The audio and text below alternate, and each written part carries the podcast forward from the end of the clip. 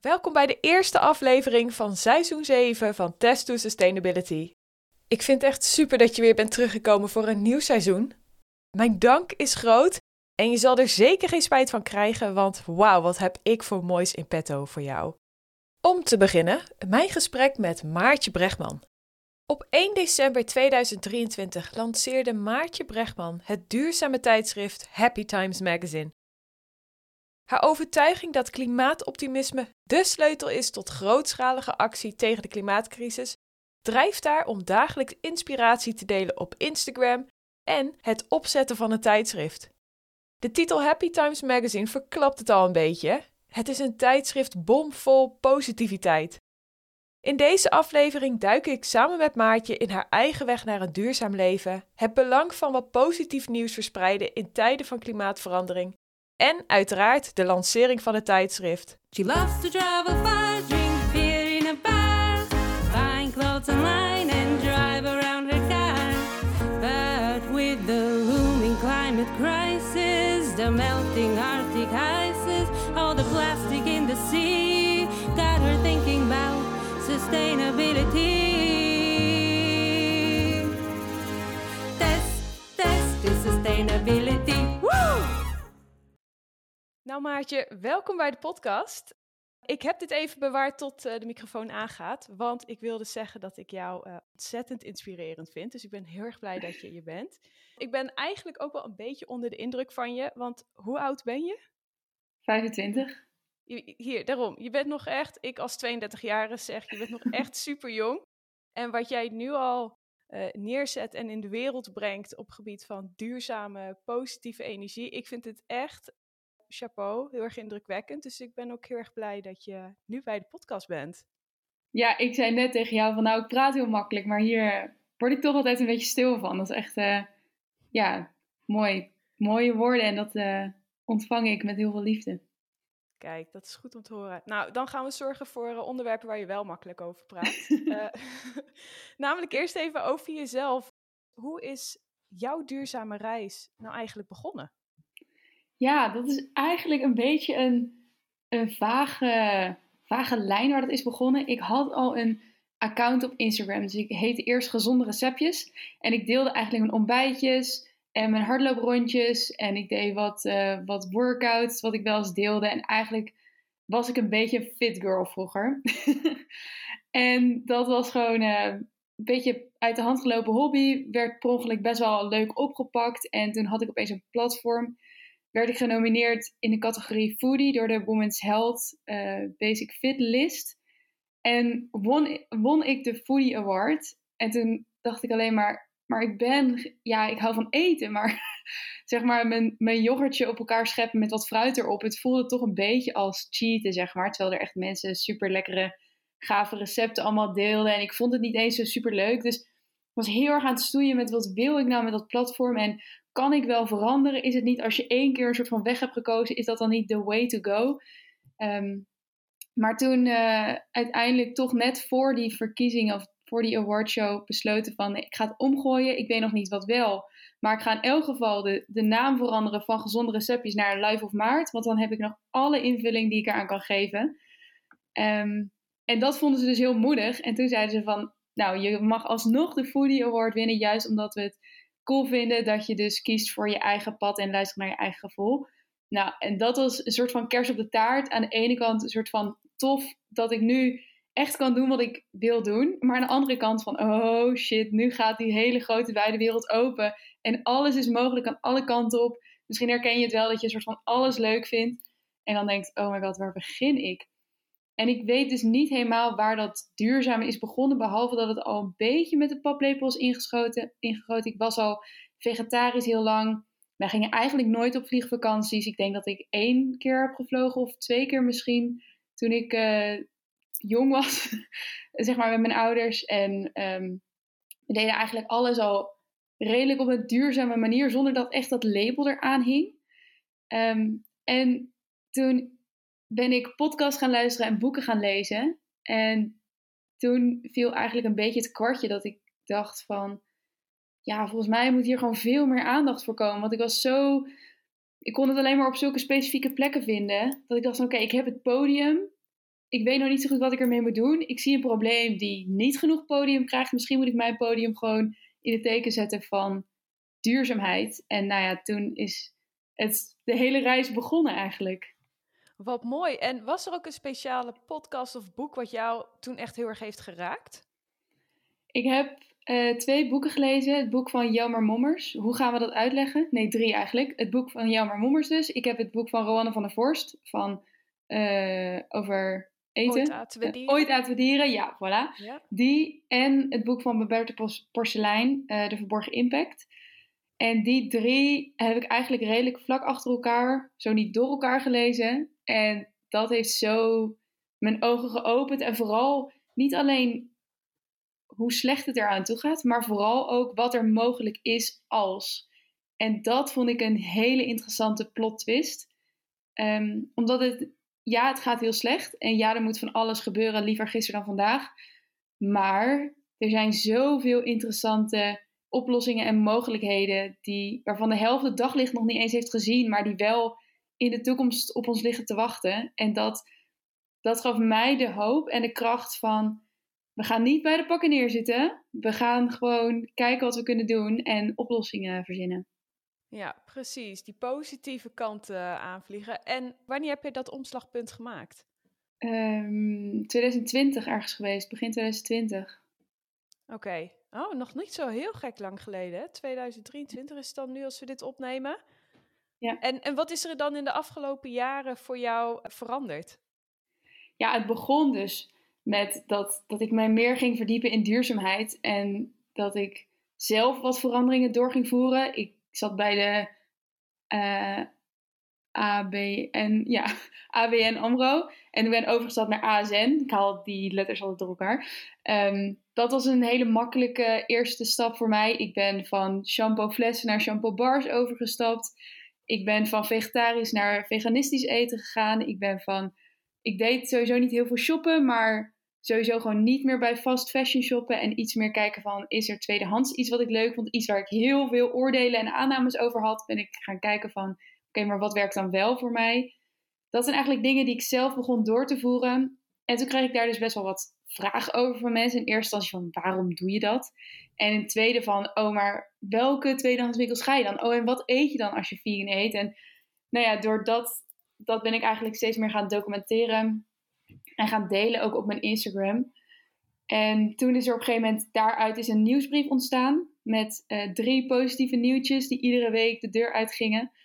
En die bestaat dus nu al 2,5 jaar, die nieuwsbrief. En dat is eigenlijk een beetje het begin geweest van waar ik nu 87 uur per week mee bezig ben. Nee, serieus, 87? Of eh, gewoon Ik- heel veel ik- uur?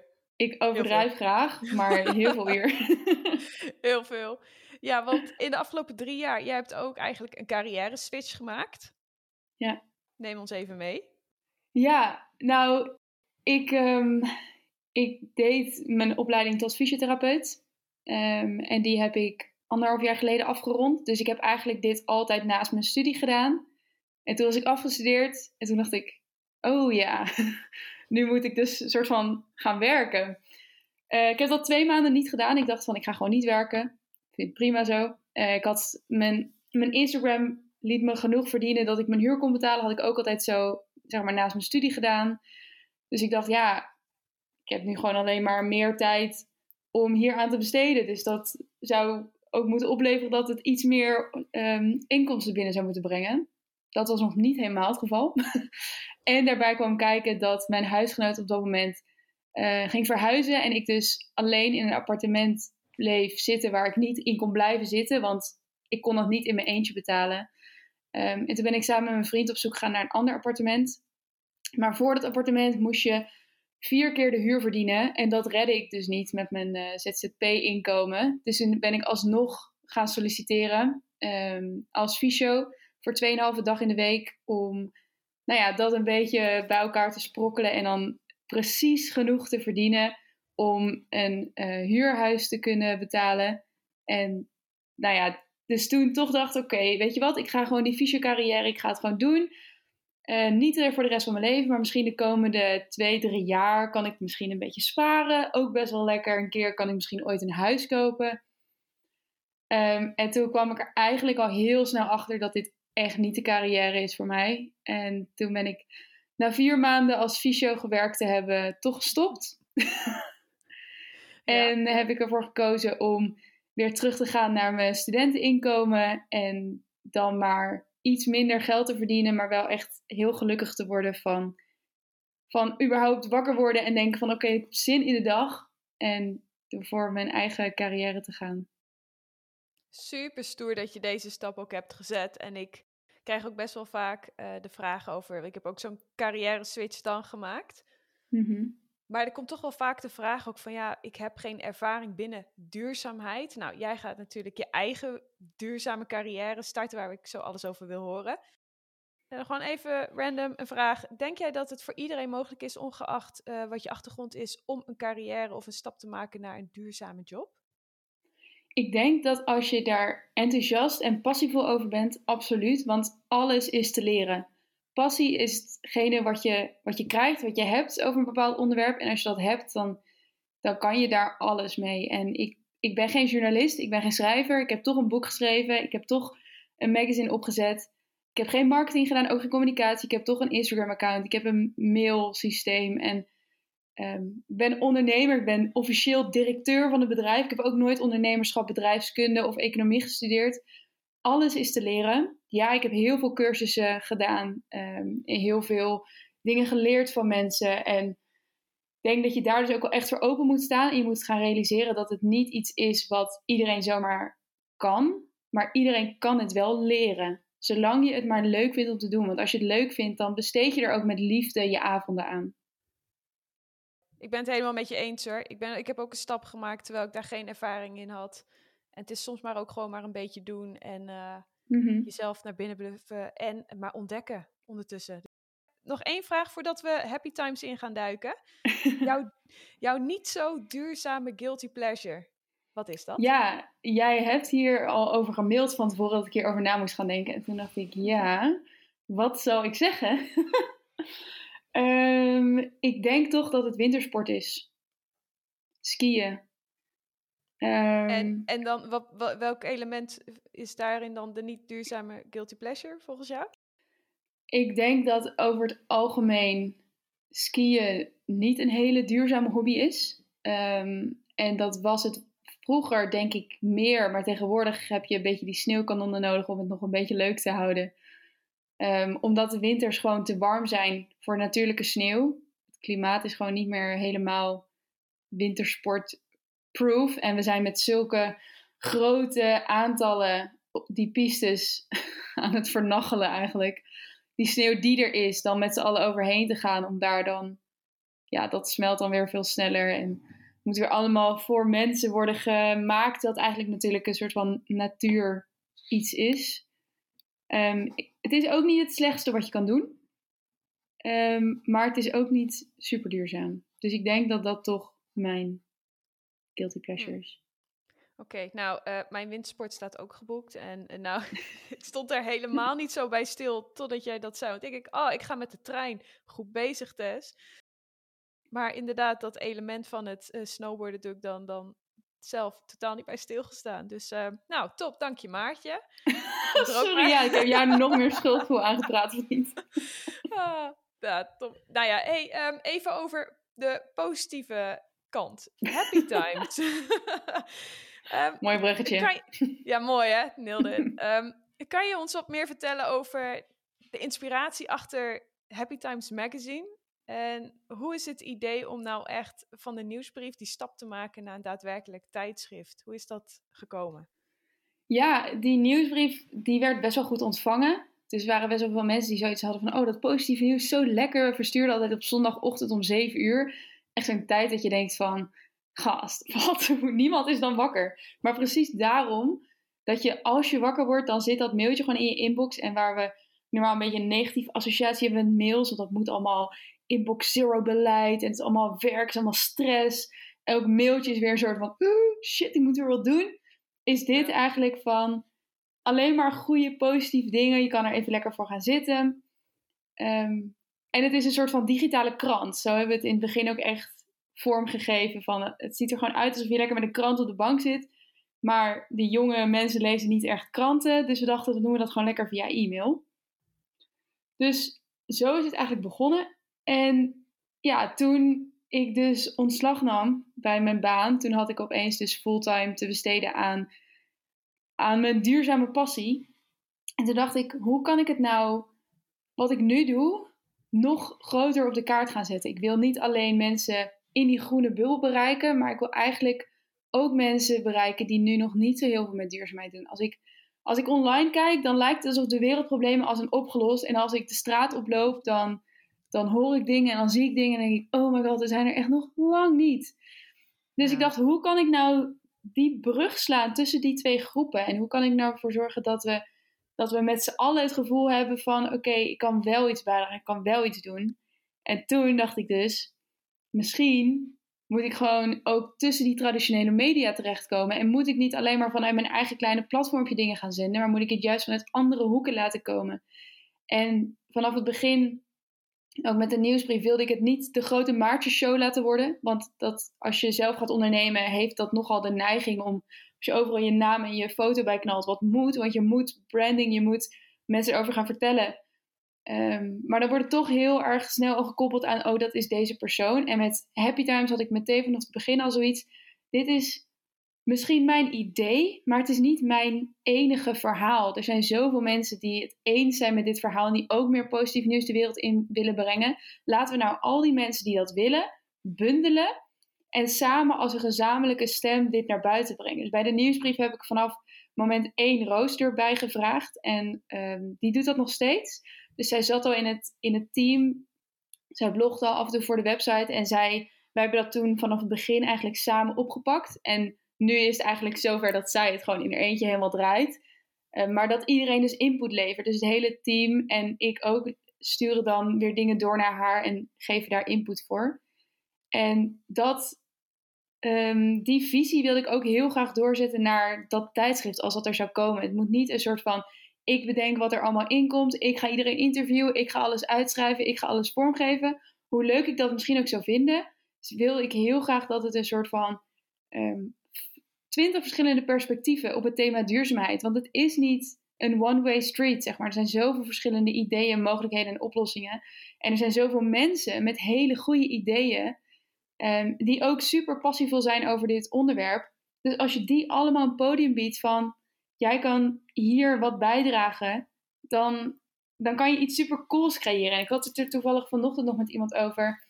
Het tijdschrift, hoe het nu is geworden. Want hij is, ligt dus bij de binder. Dus hij is helemaal gedrukt en hoeft nu alleen nog maar ingebonden Oeh, te worden. Spannend. Ja, en ik zat er door die inhoudsopgave te, te kijken. En toen dacht ik echt, dit is... Ik had de helft hiervan niet eens kunnen verzinnen, zeg maar. En dat maakt het zo tof dat het echt...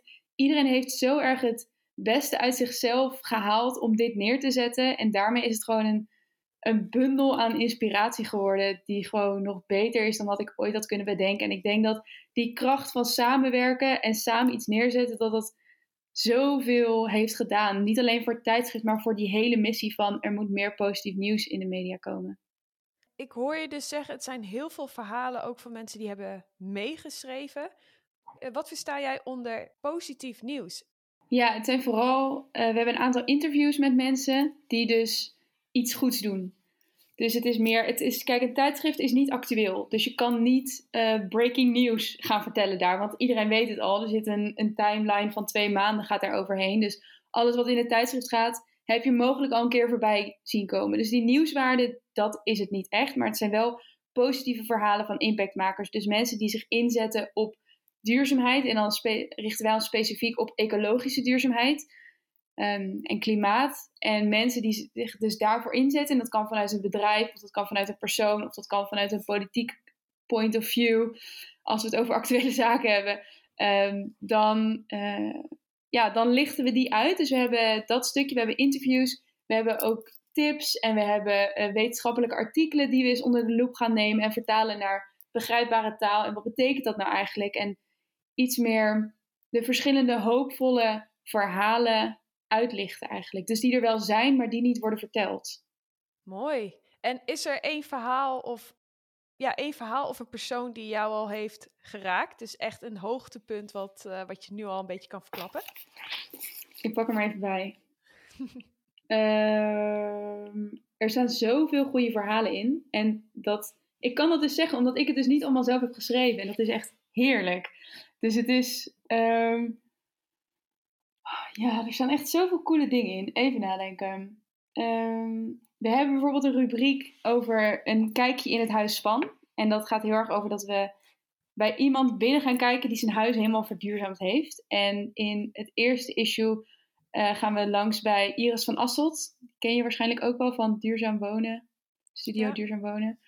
Ehm, en zij heeft helemaal zelf een tiny house. Al vond ik hem niet super tiny. Maar ehm, ook zeker niet groot. Maar als een tiny house denk ik echt aan 6 vierkante meter. En het was iets meer dan dat. Ik durf geen aantallen nu te noemen. Maar het was helemaal alles duurzaam. Van de muren tot de watervoorziening, tot de elektriciteit, tot de stoffen van de gordijnen. En gewoon overal was aan gedacht.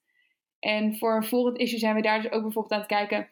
Is er nou een super oud gebouw die helemaal is verduurzaamd? Dus dat vind ik hele coole dingen.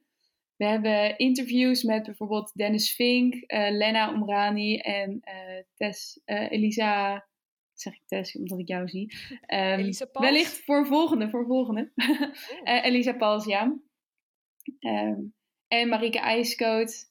Dus we, we hebben impactmakers geïnterviewd van Loos. En zij hebben een verpakkingsvrije supermarkt soort van. En staan op markten. En we hebben vanuit de Jong Klimaatbeweging wat mensen geïnterviewd van... Hoe betrekken jullie jongeren in het klimaatdebat? Het gaat eigenlijk echt op alle verschillende thema's hebben we geprobeerd eh, rubrieken en verhalen te schrijven. En hoe selecteer je dan wat er wel in komt en wat niet? Of is alles Ehm, mogelijk? Het moet een positieve toon hebben en het moet met klimaat te maken hebben. Ehm, en daarbinnen is alles mogelijk. We hebben vaste rubrieken, dus die heb ik, die heb ik wel zelf bedacht. Ehm, en we gaan gewoon even kijken hoe die vallen en we kunnen daarop evalueren. En binnen die rubrieken kunnen er dus mensen worden geïnterviewd en dingen worden aangeleverd. En ik heb super veel aanvragen gekregen na mijn eerste bekendmaking, want de tijdschrift is er dus nog niet eens. Maar ik krijg nu al dagelijks, denk ik, vijf mails van... Heb je dit initiatief al gezien of wil je mij niet interviewen of kan je hier niet iets mee? Dus er, er zijn superveel verhalen en het is nu aan ons om daarin heel selectief te zijn. eh, om die redactionele vrijheid te behouden. Dus je wilt die mensen die de stukken schrijven, dat ze ook echt achter de stukken staan. En dat je zelf dus hen de ruimte geeft om die keuze te maken wat ze wel en niet willen.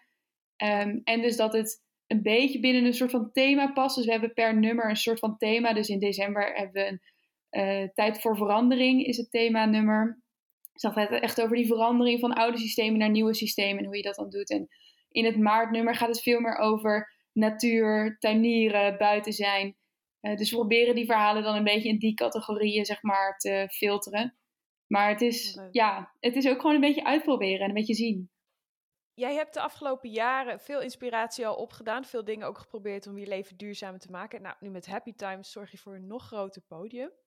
Dan ben ik eigenlijk Hm. wel benieuwd, heb jij ook onderhand zelf een bepaalde visie over hoe jij een duurzame samenleving voor je ziet? En daarmee ook meteen de vraag, hoe zie je dat Happy Times daar een rol in speelt?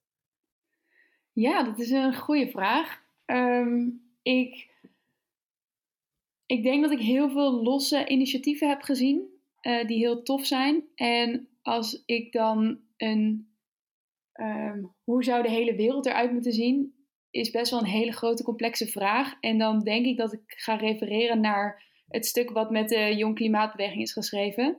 Dus ik ben nu vrijwilliger eh, in het bestuur van de Jong Klimaatbeweging. En zij hebben vorig jaar een visie gelanceerd. En dat gaat eigenlijk over hoe willen jongeren dat Nederland er in 2040 uitziet.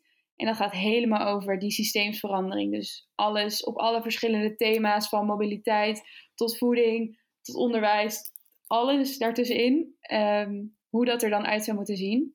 En dat, ik sluit me heel erg aan bij die visie. Dus dat als je intypt, ik denk jonge klimaatagenda video of zo, dan krijg je een video van 2,5 minuut en er staat het helemaal aan uitgelegd. En dat is eigenlijk hoe ik de wereld wel voor me zou willen zien. En hoe Times eraan bijdraagt, is denk ik door te laten zien dat het wel mogelijk is. Ik denk dat Happy Times meer een soort van verbinder is, een connector, een guider die mensen helpt van als we dit willen, die visie die we voor 2040 hebben, dan moeten we allemaal een stukje verantwoordelijkheid gaan pakken. En dat Ja. stukje verantwoordelijkheid gaan voelen. En ja, voor de een is dat een heel klein iets. En voor de ander is dat een heel groot iets. Ben jij groot aandeelhouder in een bedrijf? Ja, dan heb je hele grote verantwoordelijkheid. Ben jij timmerman? Ja, dan heb je voor jouw stukje daar ehm, impact. Ben jij, ben jij huisvader? Dan moet jij voor jouw gezin die zorg dragen. En ik denk dat het heel belangrijk is dat we heel goed realiseren welke rollen hebben we als mens, welke petten hebben we op en hoe kan ik binnen al die verschillende petten die ik draag, dus niet alleen je eigen individuele voetafdruk, maar juist jij als persoon in een, in een community, in een gemeenschap, in een samenleving, in je werk, hoe kan ik daar nou die verandering ook doorbrengen? En dat we het veel meer moeten gaan zien als het is de norm om duurzaam te gaan leven. En het is de norm om die keuzes te maken. En dan wordt er af en toe een uitzondering gemaakt. In plaats van dat duurzaamheid een soort van marketing tool is geworden om mensen maar weer tot meer aankopen aan te zetten. Ja, eens. En daarin ook gewoon elke stap doet ertoe. Dus Mhm. begin, wees nieuwsgierig. En daar helpt Happy Times natuurlijk ontzettend mee. Heb jij ook bij Ja. het creëren van je tijdschrift ook bepaalde uitdagingen gehad, meegemaakt? Ehm, ja, waar zou ik beginnen? Ehm, nee, De ik denk dat. les misschien die je hebt gehaald eruit? Ehm, ik denk dat het meer allemaal kleine obstakels zijn geweest. En ik denk dat dat misschien de grootste obstakel is geweest waarvan ehm, en mijn eigen stemmetje in mijn hoofd en mensen in je omgeving die je proberen te beschermen, die zeggen: zou je dat nou wel doen? Mm, Ga je echt je baan opzeggen om dit te realiseren? Het ging natuurlijk net in andere volgorde, maar en nu heb ik superveel steun gehad va- vanuit mijn omgeving. Maar ik krijg heel vaak ook nog wel de vraag van... Oh, maar dit doe je dan een soort van erbij, toch? Dit is toch niet een soort van je vaste... En dat, dat serieus genomen worden, dat, ehm, dat moet je jezelf... Je moet jezelf elke dag weer moed in de schoenen praten van... Oké, ik ga dit gewoon doen en ik kan dit en ik ben een hoofdredacteur zonder opleiding voor hoofdredacteur. En ik, ik ga dit gewoon op mijn manier doen. Ik heb totaal geen verstand van hoe die magazinewereld in elkaar zit. Het is een ons kent ons wereldje. Hoe ga je daar ooit tussen komen? En je kan zeg maar blijven hangen in die, die beren op de weg. Of je kan zeggen, ik weet er niks over, dus ik ga een uitgever benaderen. En ik ga vragen, hey, hoe doen jullie dit? En wat kan ik van jullie leren? En heel erg je eigen... Ik heb, ik heb superveel geleerd. Omdat ik open stond voor, ik wil het ook allemaal leren en ik wil hier goed in worden.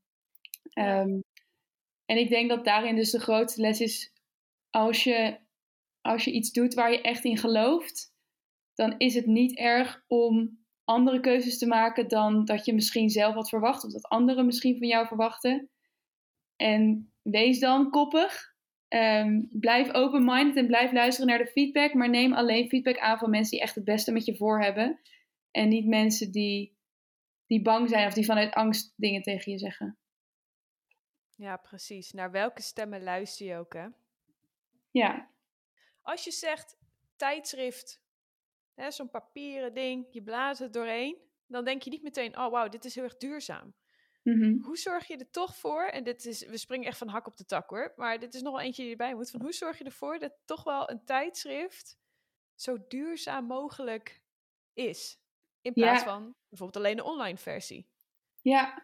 Ehm, om te beginnen, online heeft ook hele grote impact. Maar we zien het niet. Dus we denken dat er geen impact is. Maar online heeft echt een sikke voetafdruk. Dus dat gezegd hebbende, eh, vind ik persoonlijk online kan heel veel doen.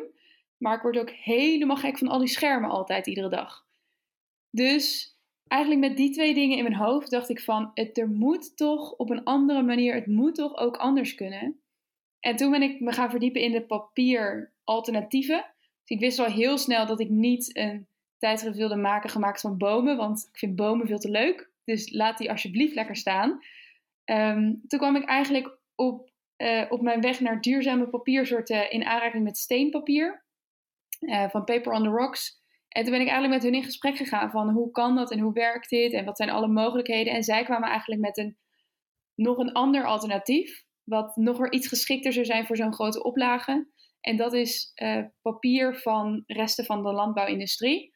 Dus dat is gemaakt van bijvoorbeeld resten en stengels van mais, bladeren en stengels van mais. Ehm, en andere dingen die eigenlijk op de afvalberg belanden. Ehm, maar die wel hele goede vezels hebben, hele natuurlijke vezels waar je gewoon papier van kan maken. En Paperwise is een bedrijf die maakt van al die reststromen, maken zij papier. En daarmee ehm, kopen ze niet alleen dus die restproducten van lokale boeren af, maar doen ze ook nog eens met het geld wat ze verdienen, investeren ze weer terug in de lokale communities met bijvoorbeeld onderwijs.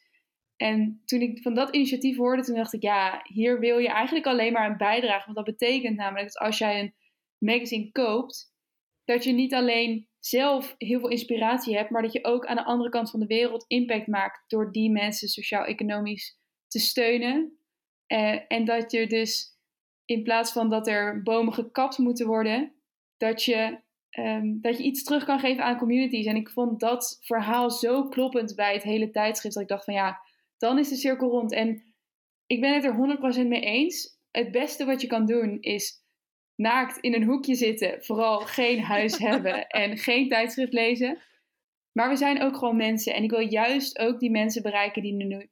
Het, het liefst bereik ik mensen die nu nog acht keer per jaar in het vliegtuig stappen, op vakantie gaan, zeven keer per week vlees eten, ehm, online shoppen tot ze ons wegen en de helft weer retour sturen. Die mensen, die wil ik bereiken. En die kopen prima een tijdschrift, want die hebben totaal geen idee dat dat slecht is of het boeit ze niks. Dus ik denk juist dat we ehm, die hele groene bubbel, die hele groene groep, die donkergroene mensen die al super veel goede dingen doen, die gaan mijn tijdschrift niet kopen, want het is niet duurzaam. Um, en dat zou ik ook nooit pretenderen, maar ik denk wel dat het een veel duurzamere keuze is dan een regulier tijdschrift. Um, en dat je ook nog een beetje positieve impact maakt door, door daar wat terug te geven en het op die manier te doen. Dus het is Ja. een beetje voor die in-between categorie. Zeker. En ik, eh, ik voel me wel aardig groenig. Maar ik ben nog steeds heel erg benieuwd naar je tijdschrift. En december lanceer je hem. Deze podcastreed, nou, die komt in 2024 uit. Maar ik neem aan dat je dan nog steeds het tijdschrift kan kopen. Hoop ik. Ja, als het niet is Eh. uitverkocht, dat zou natuurlijk een heel mooi iets zijn. Ja, waar zouden we het kunnen vinden, kopen, bestellen? Ja, je kan hem gewoon in de winkels kopen. Dus bij Bruna, de Breed Shop, ACO, allemaal dat soort vestigingen door heel Nederland. En ik weet dus nog niet precies in welke winkels, maar als het goed is, in 2024 heb ik een hele lijst op de website staan met allemaal winkels en locaties waar je hem dus eh, gewoon kan kopen. En eerst even kan doorbladeren en dan kan kopen. Ehm, en je kan gewoon online op happytimesmagazine.nl kan je het tijdschrift kopen. En dan ook een jaarabonnement nemen. Oh, oké, oké. Dat is nog beter inderdaad. Nou, ik zet in ieder geval alle linkjes even in eh, de show notes bij de podcast. Ook eh, van het manifest van eh, de Jonge Klimaatbeweging. Ja, de ik Jong ook even in. Klimaatagenda. Ja. Ja, top. Die zet ik er ook gewoon in. En dan gaan we afsluiten met uiteraard, hoe kan het dan ook anders, nog wat praktische tips. Wat is jouw tip waarmee ik en de luisteraars nog dat extra groene stapje kunnen zetten richting een duurzame samenleving? Met alle kennis die je hebt. Wat zijn jouw toptips? Ja, mijn, No eerste, mijn eerste tip die ik altijd tegen iedereen zeg is: spreek je uit over duurzaamheid. Laat ook vooral zien dat je niet perfect bent en dat je het niet perfect doet, maar laat wel zien dat je iets doet en dat jij dus jouw stukje verantwoordelijkheid ziet en pakt. En dat je daar dus ook mee aan de slag gaat, want we zijn kuddedieren. En als wij niet om ons heen allemaal mensen zien die bezig zijn met duurzaamheid, dan ga ik ook niks doen. Maar als ik om me heen hoor, oh, die is bezig met kleding, die is bezig met voeding, die is bezig met reizen, dan heb ik zoiets, oké, waar ga ik mee aan de slag?